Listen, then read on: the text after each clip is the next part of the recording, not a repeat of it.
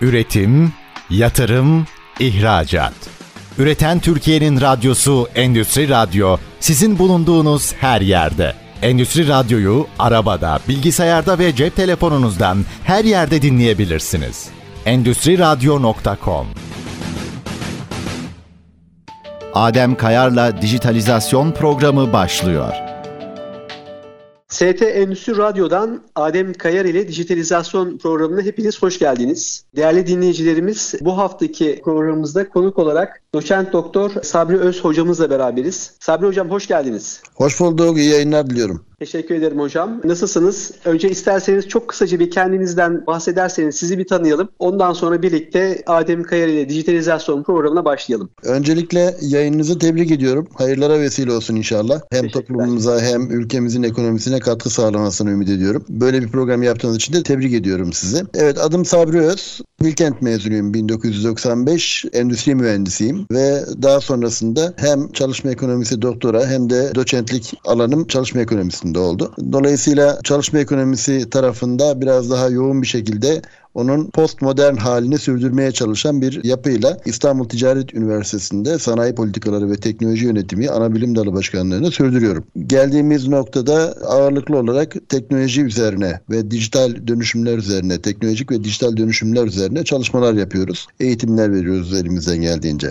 Yeterli olmuştur herhalde. Harika hocam. Tekrar hoş geldiniz. Teşekkür ediyorum. Şimdi isterseniz ufak ufak dijitalizasyondan bahsedelim. Tabii bizim hep konuştuğumuz konular konuların başında sanayide dijital dönüşüm var. İsterseniz sizin taraftan, sizin bakış açınızla bir dijitalizasyonu, dijital dönüşümü, bir de sanayide dijital dönüşüm kavramlarının üzerinden sizin bakış açınızla bir üzerinden geçebilir miyiz hocam? Ne dersiniz? Elbette olur. Şimdi genelde böyle pek çok yayında ya da pek çok hem yazılı yayın hem de görsel yayın hatta sesli yayınlarda da artık gerek podcast tarzı çalışmalar gerek radyo çalışmaları vesaire falan hep programlarda sanayi 1-0'dan başlanıyor. 2-0, 3-0, 4-0 geliniyor böyle klasik bir anlayışla. Çok fazla üzerine durmayalım onların zaman kaybetmemek ve zamanı daha iyi değerlendirebilmek adına ama şunu söylemekte fayda var. Özellikle sanayi 1-0 dediğimiz yani sonradan 1-0 4.0 diye adını koyduğumuz 4.0 çıktıktan sonra isimlendirdiğimiz o dönem işte 1750'ler tekstil fabrikalarında kullanılan buharlı makinenin icadı bilmem ne falan. Arkasından bir 100 yıl sonra tam bir asır sonra ikinci sanayi devrimini yaşıyoruz. Elektriğin özellikle seri imalatta kullanılması münasebetiyle. Arkasından bir bir asır daha dijital dönüşüme yavaş yavaş geçiyor dünya. Dijital anlamda özellikle dijitalizasyonun sanayiye girmesiyle birlikte bir merhale daha atlıyor sanayi ve sonrasında tabii işte 4-0'a gelişim. Çok hızlı bir şekilde bugün toplum 5-0'dan bahsediyoruz malum. Dolayısıyla artık o bir asırlar gitti. Yerine 25 yıl, 50 yıl gibi daha kısa süreler gelmeye başladı. Bu münasebetle artık adını değişim mi koyacağız yoksa dönüşüm mü koyacağız ben de bilmiyorum. Ama e, şurası bir gerçek ki dijitalizasyon yani dijital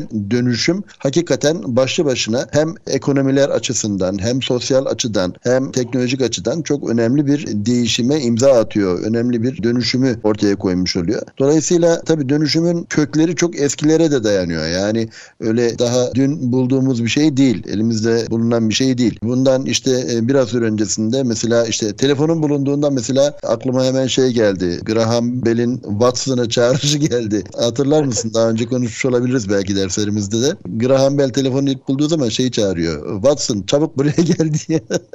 Dolayısıyla hızın ne kadar önemli olduğunu ifade eden bir anlayış da aslında. İşte o hızın aslında getirdiği bir sonuç ile belki de bugün işte asırlardan değil de artık daha kısa sürelerden bahsediyor durumdayız. Bu aslında sadece teknolojik ve dijital dönüşüm için geçerli değil. Aynı zamanda başka alanlar için de geçerli. Mesela Cemil Meriç şey derdi. Bir neslin dönüşümüne 25 yıl diyordu kendi eserlerinde. Şimdi o 25 yıllar da artık kısalmaya başlandı. Yani işte Baby Boomer dediğimiz 2. Dünya Savaşı'ndan sonraki jenerasyonu düşünün. Arkasından bir 74 74 75 işte o civarlarda doğanlar için bir X jenerasyonu yani 25-30 yıl vardı orada hakikaten. Sonrasında bir 20 yıl sonrasında işte Y jenerasyonu. Ondan sonra hemen bir 10 yıl sonrasında milenyum. E şimdi alfa jenerasyonu bilmem ne falan diyoruz değil mi? Yani çok Evet. hızlı gelişiyor pek çok şey. Dolayısıyla buradaki ana unsur sanırım hız Adem Bey. Yani Doğru. Hız çok önemli bir aşamaya gelmiş oldu ve hıza istinaden aslında pek çok dönüşüm de ona göre kendini adapte ediyor. Aklıma bir hikaye geldi hız deyince. Müsaadenizle anlatıvereyim Tabii hızlı ki, bir şekilde. tabii ki hocam. Afrika ormanlarında aslan ve ceylanların bir hikayesi vardır. Aslanlar ve ceylanlar tabii av ve avcı durumunda. Avcılar yani aslanlar bugün en yavaş koşan en gerideki ceylanı yakalamışlar ve afiyetle tabii yemişler ve akşam da aslanlar meclisi toplanmış. Aslanlar Meclisi kendi içinde diyorlar ki yahu bugün en yavaş koşanı yakaladık da yarın ne olacak? Yarın hepsi daha hızlı koşacak korkudan. Dolayısıyla biz onların hızlarına erişebilmemiz için yarın mutlaka daha hızlı olmak zorundayız diyorlar. Kesinlikle. Öteki- Öteki tarafta dağın öbür ucunda da Ceylanlar Meclisi toplanıyor. Ceylanlar Meclisi'nde de kendi aralarında konuşuyorlar. Bakın arkadaşlar diyorlar yani iş ciddi. Bugün en yavaş koşan yakalandı aramızda ayrıldı. Dolayısıyla yarın daha hızlı koşmak zorundayız yakalanmamak için. Şimdi buradan çıkartılacak olan sonuç şu. ister aslan ol ister ceylan. İster av ol, ister avcı. Daha hızlı olmak zorundasın. Yani dün ve bugünü eşit olan bizden değildir diyoruz ya. Yani öyle bir hadis-i şerifimiz var malum. Aslında dün ve bugününden de ziyade artık ana anına neredeyse eşit olan belki de bizden değildir diye düşünmek lazım. Çünkü çok hızlı ilerliyor teknoloji. Yani inanılmaz bir dönüşüm var. Hele de bu pandemi münasebetiyle normal parabolik bir şekilde büyüyen teknolojiyi düşündüğümüzde insanların adaptasyonu biraz daha lineer gidiyordu. Yani parabolik bir artışla seyreden teknolojinin hızına o kadar da adapte değildik biz. Ama pandemi münasebetiyle insanlar evlerine kapanınca artık her türlü cihazları, her türlü teknolojik olanakları kullanma zorunda kaldık ve bir anlamda elimiz mahkum oldu bu teknolojiye. Dolayısıyla işte iPad'lerdi bilmem işte cep telefonları vesaire telefonlar falan tabletler oralardan sipariş vermeler üstelik 7'den 77'sine yani herkes elinde telefonla sipariş verir hale geldi. Dolayısıyla bu adaptasyonu da çok hızlı bir şekilde arttırmaya başladı. Adaptasyon da artık teknolojinin gelişimiyle birlikte paralellik taşıyor. Yani adaptasyon da lineerlikten kurtuldu ve ciddi bir şey var. Ciddi bir sıçrama var. Gelişim var. Dolayısıyla bu münasebetle aslında hız her anlamda çok önemli hale geldi ve hızın aslında bir anlamda getirdiği teknolojik olguları, sanayi dönüşümlerini veya sosyal oluşumları e, konuşuyor oluyoruz aslında. Doğru. Doğru hocam haklısınız. Ben bu arada hocam değerli dinleyicilerime bir hatırlatma yapmak istiyorum. Her programımda benim bizim programı takip edip programın sonunda günün anahtar kelimesini rica edeceğim. Ben bunu söyleyeceğim. Bunu değerli dinleyicilerimiz benim Instagram hesabımdan özel mesaj olarak gönderirlerse Onların arasından bir kişiye dijital dönüşümle ilgili bir kitabı adresine kargo ile göndereceğiz. Bu arada bu bilgiyi de paylaşmış olayım. Böylece her programımızın da küçük bir kitap hediyesi olsun. Değerli dinleyicilerimize de böyle bir şey yapalım, hoşluk yapalım diye düşündüm. Bilginiz olsun. Bunu paylaşıyorum ben. O yüzden değerli dinleyicilerimiz programımızı takip edip programın sonunda söyleyeceğimiz anahtar kelimeyi Instagram hesabımdan paylaşanlara da bir kitap hediyemiz olacak. O yüzden Lütfen programımızı takip ederseniz ve anahtar kelimeyi kaydederseniz Instagram'dan da paylaşırsanız çok sevineceğim. Peki hocam şimdi dijital dönüşüm diyoruz biz ama tabii dijital dönüşümde bir de bizim uzmanlık alanımız işte sanayi tarafı var. Şimdi sanayi tarafıma geçtiğimiz zaman da burada kavramlar biraz daha herhalde farklılaşıyor. Biraz daha ürünler değişebiliyor. Burada da bizim üretim işin içine girdiği zaman yine dijital dönüşümle birlikte sanayide dijital dönüşüm başlığını koyarsak bununla ilgili de sizin düşüncelerinizi alabilir miyiz? Valla aklıma kitap soktuktan sonra ben başka şey düşünemem biraz. Ee, he- hemen önce şunu sorayım. O yarışmaya ben de katılabiliyor muyum? Tabii ki memnuniyetle hocam. Anahtar kelimeyi paylaşırsanız Ana- Anahtar kel- a- adil bir şekilde yarışma yapacağız. Şey yapacağız. Oradan bir arkadaşımızı seçeceğiz. Sizi dinleyen herkesle sizin WhatsApp'ınız var mı peki? Adil olmasa. Onu paylaşacağım. Onu da paylaşacağım. Adem alt çizgi hemen paylaşayım bu arada. Adem alt çizgi MCS Instagram hesabım. Bu hesabımı takip edip programın sonunda vereceğimiz Anahtar kelimeyi de mesaj olarak paylaşanlar arasından bir kişiye kitap hediyemizi göndereceğiz. Kitap uğrunda yarışmaya değerdir. O yüzden yarışırım yani. Değil mi? Kesinlikle hocam. Bizimle birlikte yaptığımız çok güzel çalışmalar var. Zaten kitabımız da onlardan birisi olacak. Bu arada sürpriz olsun. Hayda. bak, bak bu aklıma gelmemişti. Şimdi aslında ondan da biraz bahsederek yolumuza devam edelim. Hem sorduğunuz soruya da uygun olacak şekilde devam bağlarız orayı. Sanayi Politikaları ve Teknoloji Yönetimi Türkiye'de bir ilk olarak kuruldu İstanbul Ticaret Üniversitesi'nde. Daha sonrasında da Ostim Üniversitesi'nde kuruldu malum. Murat Ali Yülek Profesör Doktor Murat Ali Yülek tarafından da yine Ostim Teknik Üniversitesi'nde Sanayi Politika ve Teknoloji Yönetimi adı altında bir bölüm kuruldu. Şimdi Sanayi Politika ve Teknoloji Yönetimi yeni bir bölüm olduğu için haliyle biz bütün arkadaşlarımızla, hocalarımızla zaman zaman da hem iş dünyasından hem de efendim özellikle doktora tarafındaki arkadaşlarımızla bir araya gelerek 258 bölümlük kitaplar yazdık pandemi döneminde. Yani Mart ayı kapandı, şey başladı. Mart 2020'den bahsediyorum. Türkiye'de kapanmaya başladı. Malum hatırlarsınız o dönemde pandeminin ilk çıktığı dönemler yani Türkiye için ilk çıktığı dönemler. Biz o dönemde başladık ve toplamda 24 tane eser oluşturduk. 258 bölümlük kitaplar oluşturduk. O kitaplardan evet yani demek ki onlardan vereceksiniz çünkü oralarda sizin de katkınız var.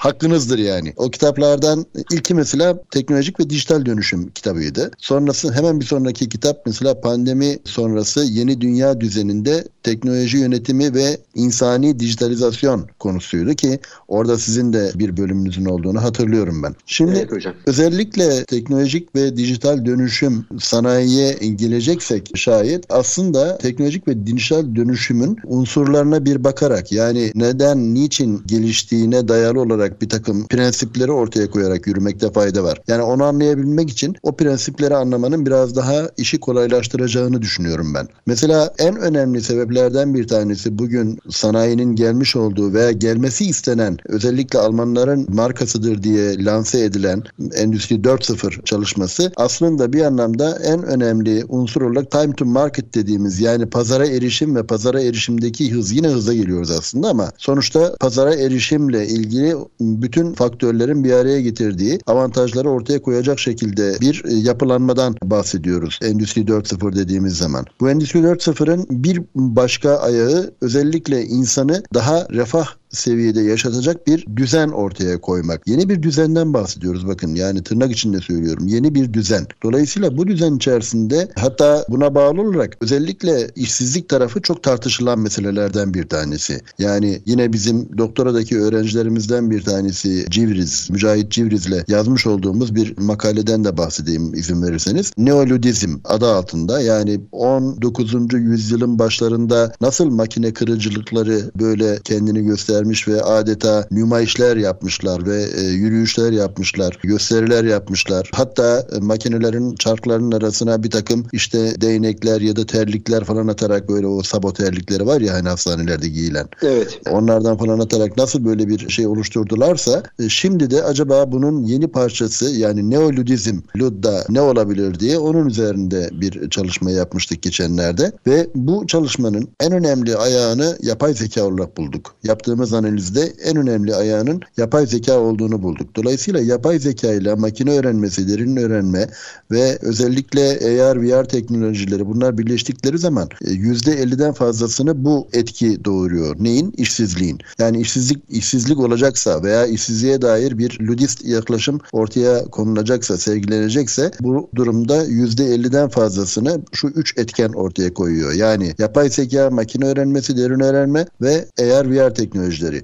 Hatta eğer VR teknolojilerini biraz daha XR veya MR şeklinde de birleştiriyorlar. Yani MR dediğimiz mixed reality, XR dediğimiz onun üzerindeki reality vesaire. Dolayısıyla işsizlik tarafı önemli bir boyut olmakla birlikte Sanayi 4.0'ın gelişimini ortaya koyan en önemli prensiplerden bir tanesi her ne kadar işsizlik olacaksa da o şu bir kenarda dursun diyerek insanı sosyal refah anlayışı ve insan hak ve hürriyetlerine yaraşır şekilde yaşatma gayesinin de olduğunu ifade eden literatürlere rastlamak mümkün. Yani diyor ki adam ben diyor. Sabri Hocam çok özür dileyerek bir ara verelim isterseniz. Aradan sonraki ikinci bölümümüzde direkt üretim Endüstri 4.0 yapay zekalarla birlikte sizin kaldığınız yerden devam edelim isterseniz.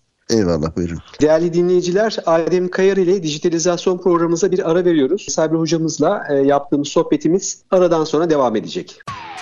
Üretim, yatırım, ihracat. Üreten Türkiye'nin radyosu Endüstri Radyo sizin bulunduğunuz her yerde. Endüstri Radyo'yu arabada, bilgisayarda ve cep telefonunuzdan her yerde dinleyebilirsiniz. Endüstri Radyo.com ST Endüstri Radyo'dan Adem Kayar ile dijitalizasyon programına hepiniz hoş geldiniz. Birinci bölümde doçent doktor Sabri Öz hocamızla beraber programımıza başlamıştık.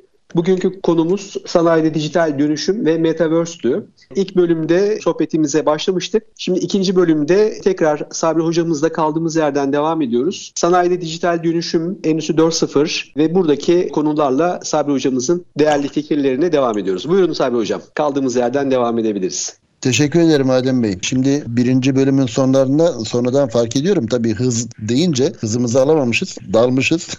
Saati zamanı falan fark etmeden. O kaldığımız noktadan dilerseniz devam edeyim izin verirseniz. Buyurun. Ne demiştik? Endüstri 4.0 yani sanayi 4.0 oluşumunun prensipleri içerisinde birincisi time to market dediğimiz hadise vardı. İkincisi insanın özellikle insanca yaşamasına olanak sağlayan bir oluşumu iddia ediyorlardı demiştik. Bu iddianın arkasında işte bahsi bahsettiğimiz gibi aslında özellikle mavi yakalıların shop floor dediğimiz yani fabrikaların alt bir hiyerarşik şekilde düşündüğünüz zaman alt kesimlerinde çalışan mavi yakalı kesimin sürekli bir vida sıkmasının insani bir yaşam öyküsü oluşturmayacağı üzerine yoğunlaşıyorlar. Dolayısıyla e, insanı o ortamdan yani sürekli aynı vidaları sıkmak zorunda bırakmak durumundan kurtarmak gerektiğine inanıyorlar. Bir sonraki aşamada da tabii yine aynı floor'un aslında hatasını minimize edecek şekilde. Çünkü hatalara bakıldığı zaman genelde 6 sigma dediğimiz vay efendim işte 4M dediğimiz hani man machine maintenance ve metot dediğimiz sistemde yine insan hatalarının %96'lık seviyelerde %97'lik seviyelerde insandan kaynaklı hatalar olduğu görüşü ortaya çıkınca haliyle iktisadın temel tanımında da şu vurguyu yapıyorlar malum. Diyorlar ki kaynaklar kıt, insan ihtiyaçları da sınırsız. Kıt kaynakları en verimli şekilde kullanmamız lazım diyor diyorlar. Ha buna inanır mısınız ya da bunu savunur musunuz savunmaz mısınız? Bu başka bir şey. Yani paradigma dönüşümü olacaksa şayet bir eksen kayması, eksen farklılaşması olacaksa bu başka bir şey. Ama şu anki Batı öğretisinin bize getirdiği şey bu. Dolayısıyla bu verimliliği de artırabilmek için yapılması gereken şey nedir? O zaman insanın tamamen şafulordan çekilmesi. Yani mavi yakalıların köküne kibrit suyu demektir bu. İşin Türkçesi yani. Özellikle işte ışıksız fabrikalar, efendim insansız fabrikalar. Hatta işte sadece fabrikalar yani sanayi alanı alanında değil aynı zamanda tarım alanında da aynı şey geçerli değil mi? Yani insansız tarımdan bahsediyoruz. Robotlarla işte tarlalara dalınmış ve tarlalardan meyvelerin toplandığı bir sistemden bahsediyoruz. Hatta topraksız tarımdan. işte ne bileyim hizmetler sektöründe zaten çoktan bu tarz çalışmalar baş göstermiş ve hızlı bir şekilde devam ediyor. Dolayısıyla gelinen noktada dijitalizasyonun etkisiyle, teknolojik dönüşümün etkisiyle çok ciddi anlamda sosyal sıkıntıların da ortaya çıkacağı malum. Ama sizin de ifade ettiğiniz bahsettiğiniz gibi bugünkü temel konumuz olan Metaverse üzerine de biraz dalacak olursak zamanımız var değil mi? Zamanımız var hocam. Metaverse'ü 3. bölüme bırakmayı planlıyorum. Ha. Oraya ufak ufak bir geçiş yapacağız. Peki hocam şeyi sorayım ben size o zaman. Şimdi e, dijital dönüşüm evet dediğiniz gibi hızın artmasıyla hemen hemen bütün sektörlerde yoğun bir şekilde kullanılmaya başlandı. Pandemi bunu ciddi bir tetikledi. Hepimizi bu süreçte hızlandırdı. Bizler de birçok alışkanlığımızı değiştirdik. Evet. Diğer taraftan da sanayide dijital dönüşüm dediğimiz kavram da aslında pandeminin etkisiyle de ciddi bir şekilde bir takım farkındalık oluşturdu. Ben şöyle görüyorum, bilmiyorum bu konuda ne dersiniz? Klasik üretimlerde işte dünyanın her yerinde farklı üretimler vardı. Tedarik zinciri bir şekilde en ucuz ürünler de üretiliyorsa ürünü orada ürettirip işte bir şekilde transport sistemleriyle ilgili diğer ülkelere taşınıyordu. Fakat pandemi bize şunu gösterdi. Eğer tedarik zincirinde bir kopma olursa işte pandemide bunu yaşadık. Siz ürettiğiniz ürünü başka bir ülkede üretiyorsanız, kendi ülkenizde üretmiyorsanız buna ulaşmanız mümkün olmayabiliyor. O zaman da işte ciddi bir şekilde o ürünü bulmakta bu sefer tedarik konusunda zorlandığınızda dünya şunu gördük ki bu benim kendi düşüncem. Biz üretimimizi ya en yakın ucuz olan lokasyonda üretmeliyiz ya da kendi ülkemizde üretmeliyiz. Bu da aslında otomasyon ve dijital dönüşümle ilgili yapılacak uygulamalara da ciddi bir şekilde talebi artırdı diye düşünüyorum ben. Ne dersiniz? Elbette yani hem Deren Acemoğlu'nun hem de e, Murat Ali Ülek hocamızın yazmış oldukları birbirine rakip demeyeceğim de biraz farklı anlayışlarla ortaya konulan iki eser var. Deren Acemoğlu'nun ortaya koyduğu eser Ulusların Çöküşü'ydü. Fall of the Nations diye geçiyor. Murat Ali Ülek hocanın e, yazmış olduğu kitap da Ulusların Yükselişi'ydi. Yani Ulusların Yükselişi'nde biraz da bağlanan nokta aslında temeli itibariyle bu. Lokasyonun yakınlığı veya yerelde bir şeylerin yapılıyor olması. Türkiye mesela çok önemli özellikle savunma sanayinde çok önemli özellikler, çok önemli atılımlar gerçekleştiriyor bu anlamda. Veya işte otomotiv sanayinde yakın zamanda çıkan işte artık üretiminin en azından serisinin tamamlandığı ve işte önümüzdeki yılın Mart ayı gibi yanlış hatırlamıyorsam sahalara da çıkacağı ifade edilen TOG'dan bahsediyorum.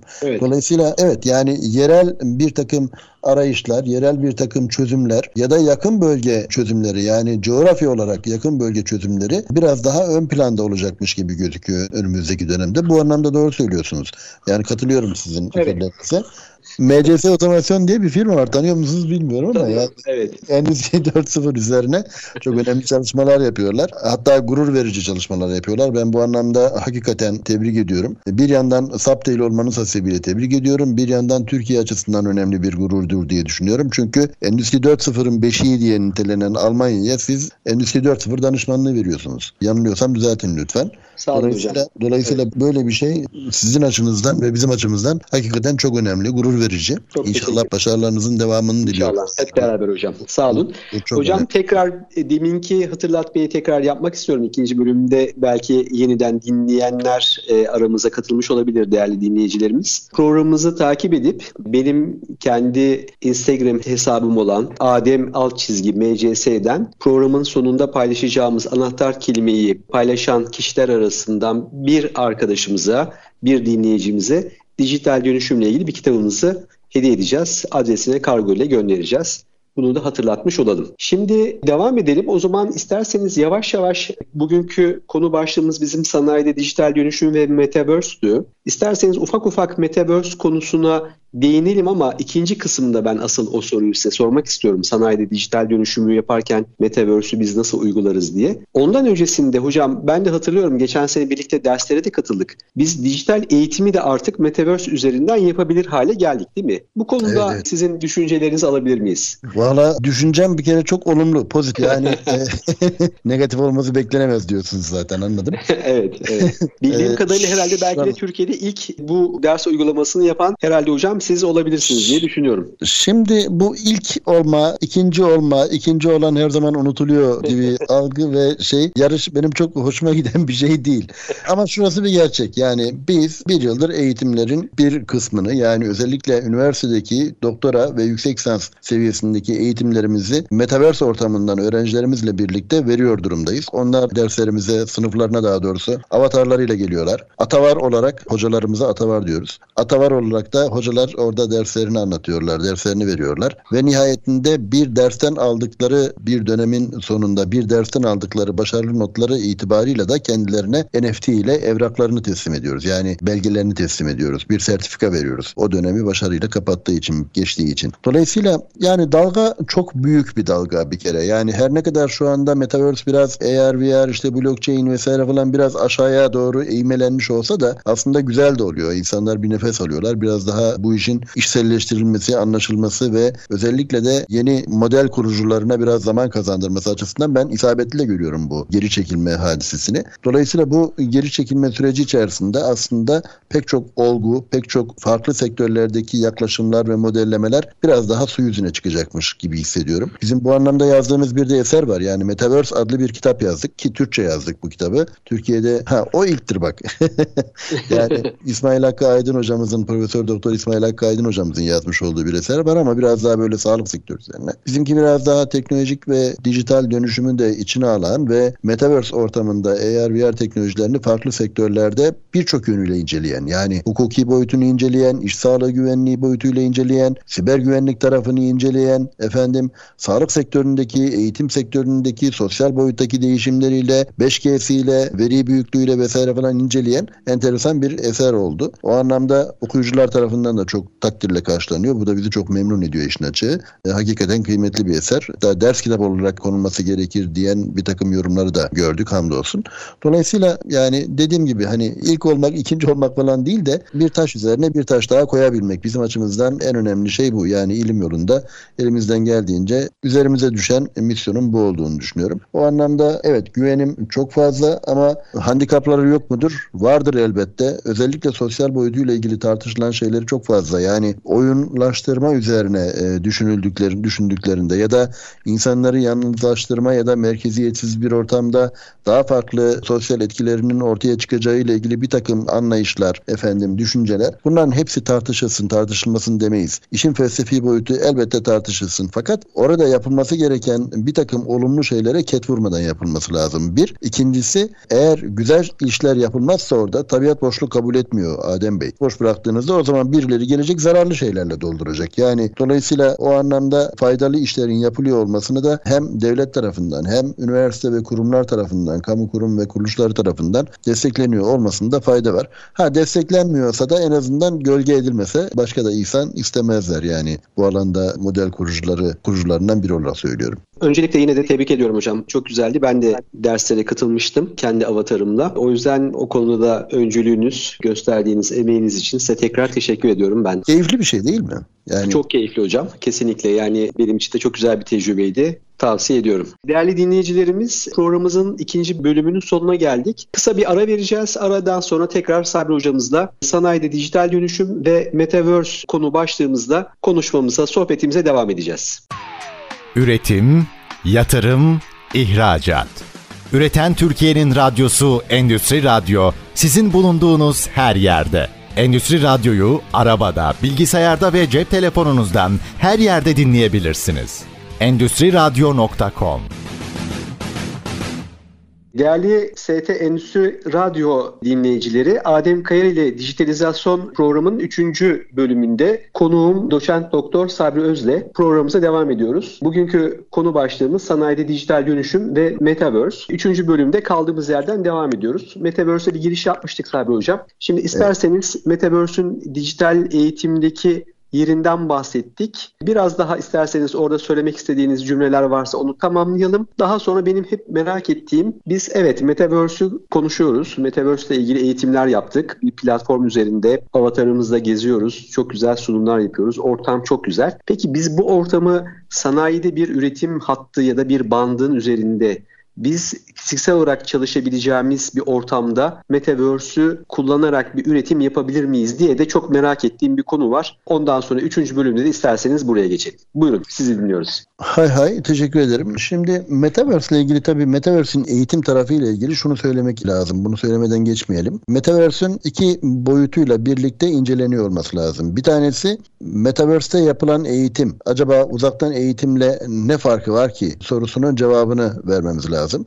Uzaktan eğitimle yapılan eğitimde hem öğretmen hem de öğrenci tarafında verimlilik çok düşük. Yani uzaktan eğitimden kastımız şu. Eğer bir sabit programlar şimdi program isimlerini almayalım burada. Sabit programlarla yapılan bir takım uzaktan eğitim çalışmaları iki boyutlu kalıyor ve iki boyutlu da karşı taraftaki pencerede kişiler, öğrenciler yani kendi pencerelerini açmışlar. Yani derse katıldıklarını gösteriyorlar. Fakat öğretmen bir şey sorduğunda duvara konuşur gibi oluyor ve hiç karşı taraftan cevap bile gelmiyor. Çünkü o ara öğrenci kamerası da kapalı işte orada ama aslında orada değil. Yani kafa olarak veya fiziki olarak belki de orada değil. İşte elinde ya da telefonla başka bir şey oynuyor vesaire falan. Dolayısıyla bir de şu şey var tabii rahatlık var. Nasıl olsa kaydediliyor sonra tekrar dinlerim. Ama canlı olacak şekilde soru sorma hakkını elinden yitiriyor, kaybediyor. Bir bu tarafıyla baktığımızda %20-25'lik bir verimden söz ediliyor. Özellikle uzaktan eğitimin. Örgün eğitim tarafına baktığımızda, yüz yüze eğitim tarafına baktığımızda insanlar efendim binalara gelmek zorundalar. İstanbul gibi büyük bir işte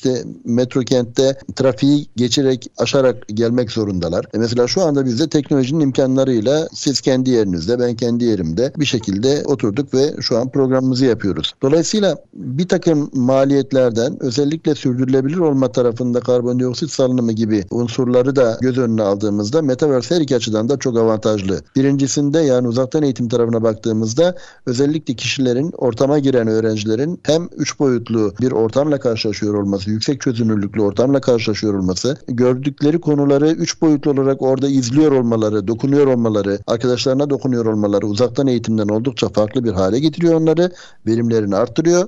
Orada tutuyor çünkü canlı tutuyor. Öbüründe de özellikle sürdürülebilirlik tarafında ve insanların maliyet açısından yani şu duvarların, binaların artık ihtiyaç duymayacağı bir sisteme, eğitim sistemine doğru gidiyoruz desek yeridir herhalde öyle düşünüyorum. Dolayısıyla her iki anlamda da çok avantajlı olduğunu söyleyerek devam etmek lazım. Eğitim sektöründeki Metaverse'ün katkıları bu şekilde olabilir ve daha da olacaktır. Daha da farklı yapılanmalar ortaya çıkacaktır diye düşünüyorum.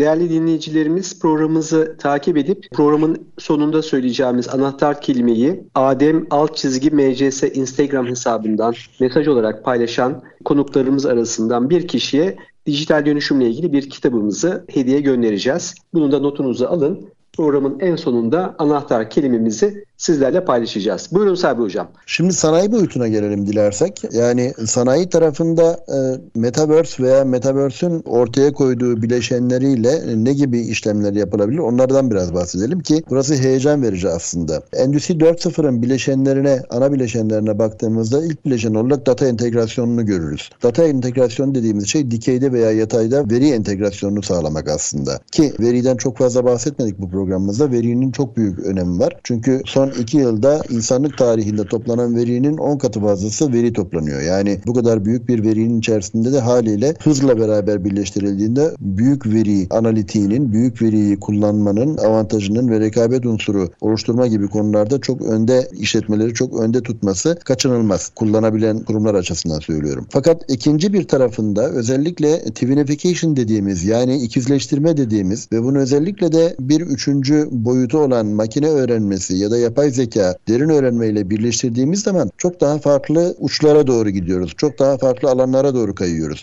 Nedir twinification dediğimiz yani ikizleştirme, dijital ikizin oluşması neyi sağlıyor? Bir kere normalde şunu söyleyelim. Bir üretim sisteminde, sanayide herhangi bir ürün elde edildiği zaman o ürünün bir atomik yapısı vardır ki bu gerçek yani fiziki dünyada, fiziki şartlarda atomlardan oluşan zerreciklerine kadar bir ürünün elde tutulduğunu düşünebilirsiniz. Ama bir de bu işin bitler dünyası var. Yani bir atomik dünyası bir de bitler dünyası var. Aynı ürünü aslında daha o olmadan, olgunlaşmadan, üretilmeden bir anlamda işin simülasyonunu yaparak yani bir benzetimini yaparak, bir ikizini yaparak simüle etme olanağı sağlayan bir e, yapılanmadan, twinification'dan bahsediyoruz. Bu yapılanma sadece üretmek istediğimiz ürünün görsel anlamda üç boyutlu gösterisini ya da tasarımını sunmaktan ibaret değil.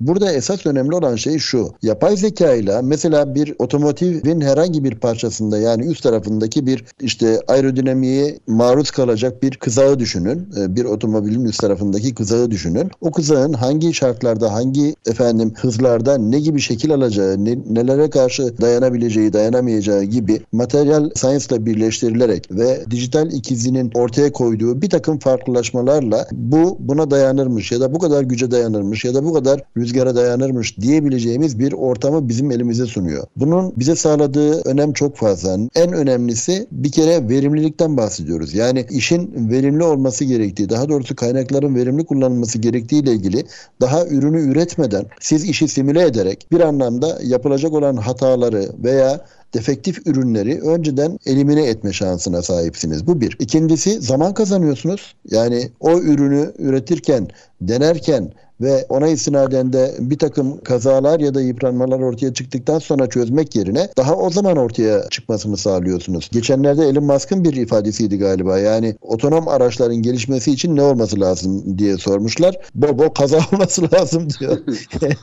evet. Yani çünkü onlardan eğitim alacak. Yani e, makine öğrenmesini sağlayacak, derin öğrenmeyi sağlayacak, veri oluşturacak vesaire falan. Bunların belki bir anlamda önüne geçecek farklı bir yapılanmadan da bahsediyoruz. Tabii eğer VR tarafına baktığımız zaman özellikle mesela geçenlerde Ahmet Alıç ve Profesör Doktor İsmail Ekmekçi hocamla beraber Dubai'de yaptığımız bir sunumda eğer VR teknolojilerinin sanayide kullanımı ile ilgili çok önemli bir e, bildiri sunmuştuk. Tam metni de çevirdik. İnşallah yayınlanacaktır yakın zamanda. Ama şu kadarını bahsedeyim oradaki yayınımızda incelediğimiz çalışmalarda. Mesela Avrupa'da yapılan bir çalışmada hem de geniş tabanlı yapılan bir çalışmada eğer VR teknolojisinin sanayinin belirli kesimlerinde hala %45 oranında bilinirliğinin olduğunu Ve burada da yine o yapılan çalışmada %68'inin reddettiğini yani kullanmayı reddettiğini görüyoruz daha hala. Dolayısıyla bir kısmının sadece işte acaba olabilir mi şeklinde bir çekimser kaldığını ama %68'lik bir kısmının AR VR teknolojilerinin kullanımının henüz kendi sektörlerinde olmayacağı gibi bir anlayışla karşılaştıklarını söylemek mümkün. Söylediklerini görüyoruz. Dolayısıyla daha henüz tam olarak oturmamış kaldı ki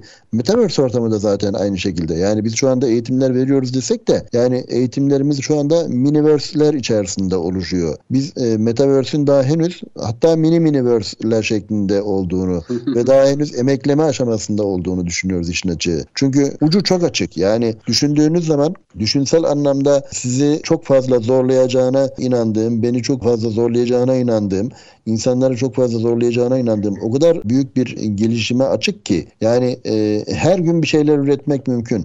Geçenlerde yine yine eğitime dönüyorum ama çok hızlı bir şekilde söyleyeyim. AR VR teknolojileri burada çünkü e, endüstri içerisindeki önemi büyük. Dedik ki ya eğitim vereceksek o zaman biz ikizimizi de oluşturmamız lazım. Çünkü eğitimin sürekli olması lazım. Türkiye'de geceyken Kanada'da gündüz. O zaman oralarda gündüzken nasıl yapacağız oralardan gelecek olan talebi? O zaman da dedik ki atavarımızın bir ikizini oluşturmamız lazım yapay zekayla. Şimdi bu ikizi oluşturma meselesi sanki call center çalışıyormuş gibi halini işlemek doğru değil. Orada gerçek bir yapay zeka ile derin öğrenmeyle bir Sabri Öz gibi hocanın bir şeyin akademisyenin orada eğitim veriyor olması lazım. Baya baya biz nasıl anlatıyorsak onun da öyle anlatıyor olması lazım. Dolayısıyla teklememesi lazım. Ha teklerse de en fazla işte hani e, herkesin bildiği bir hikaye vardır ya Einstein ve şoför hikayesi. Siz duymuş muydunuz? Anlatın hocam isterseniz. Bir, bir dakikamız var. dos Bir dakikam mı var? Bir dakikada zor bulacağım anlatayım. Hızlı bir şekilde anlatayım peki. Tamam. Einstein'la şoförü seminerden seminere geziyorlarmış ve şoför arkaya dönmüş demiş ki ya hocam siz de demiş ama abartıyorlar. Yani her seminerde aynı şeyleri anlatıyorsunuz ve size aynı sorular geliyor. Siz aynı cevapları veriyorsunuz. Bu ne ya demiş. Bunları ben de yaparım. Ezberledim artık demiş. Einstein'ın da canına minnet zaten. Demiş ki ya demiş şimdi gideceğimiz yerde inan ki beni hiç görmediler. Benim yüzümü tanımazlar. Gel demiş rolleri değiştirelim. Ben senin şoförün olayım. Sen de demiş arka koltukta Einstein ol. Sen demiş anlat. Tamam anlaşmışlar gitmişler. Gittikleri yerde sunuyor şimdi bizim şoför. Einstein olarak tabii. Anlatıyor. O anlatıyor. Einstein de arkada keyifle dinliyor. Ve aynı şeyleri anlatıyor hakikaten şoför. Kapmış bu işi. Bir süre sonra sorulara başlıyorlar. Sorular da aynı geliyor. Aa ne güzel cevaplar da aynı. Sorular aynı. Cevaplar aynı derken bir tane cins çıkıyor. Ya diyor şimdi hapı yuttuk diyor Einstein. Fakat şoför çok rahat. Sahnedeki şoför çok rahat. Diyor ki ya bu da soru mu diyor. Bunu diyor arka tarafta oturan benim şoförüm bile cevaplar diyor.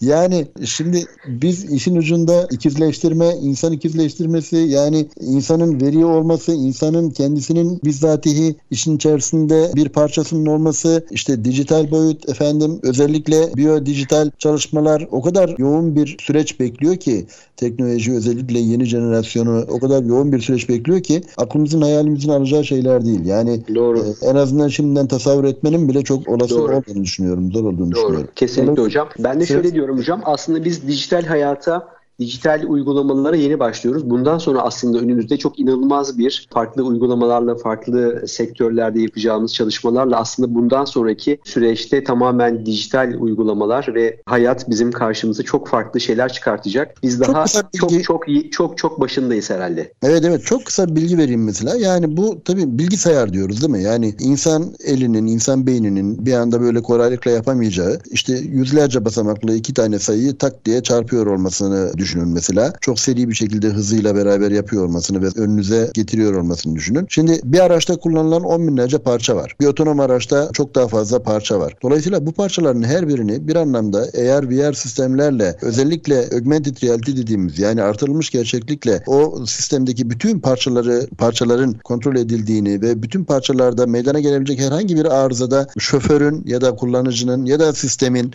yani şoför de olmayabilir artık otonom araçlarda. Sistemin kendi evet. kendine o sistemi hemen hızlı bir şekilde tamir edebileceğini düşünsenize. Yani insanın kolay kolay yapamayacağı şeyler veya işte yolda kaldım hikayesinin artık hikaye olarak kalacağı bir dönemden bahsediyoruz. Kesinlikle. Sabri Hocam sizinle sohbet çok keyifliydi ama maalesef vaktimiz doldu hatta geçiyor. Ee, ben değerli vaktinizi ayırıp bugün benimle bu programda bulunduğunuz için öncelikle size çok teşekkür ediyorum. Gerçekten ben çok keyifliydi. İnşallah ilerleyen zamanlarda tekrar bir ikinci ikinci program yapalım. Kaldığımız yerden devam ederiz. Uygun görürseniz. Ben teşekkür ederim. Memnuniyetle. Tekrar hayırlı uğurlu olsun programınız. Çok Başarılarınızın devamını diliyorum. Çok sağ olun hocam. Değerli ST Radyo dinleyicileri, bugün de bir programımızın sonuna geldik. Umarım keyifli vakit geçirmişsinizdir. Hatırlarsanız programın başına söylemiştik. Günün anahtar kelimesini sizinle paylaşacağım. Bunu Adem alt çizgi MCS Instagram hesabından mesajla gönderen değerli dinleyicilerimiz arasından bir kişiye dijitalizasyonla ilgili bir kitap hediye edeceğiz ve adresine kargo ile göndereceğiz. Bugünkü anahtar kelimemiz sanayide dijital dönüşüm ve metaverse sanayide dijital dönüşüm ve metaverse. Tekrar inşallah keyifli vakit geçirmişsinizdir. Başka bir programda görüşmek üzere. Sağlıcakla kalın diyorum.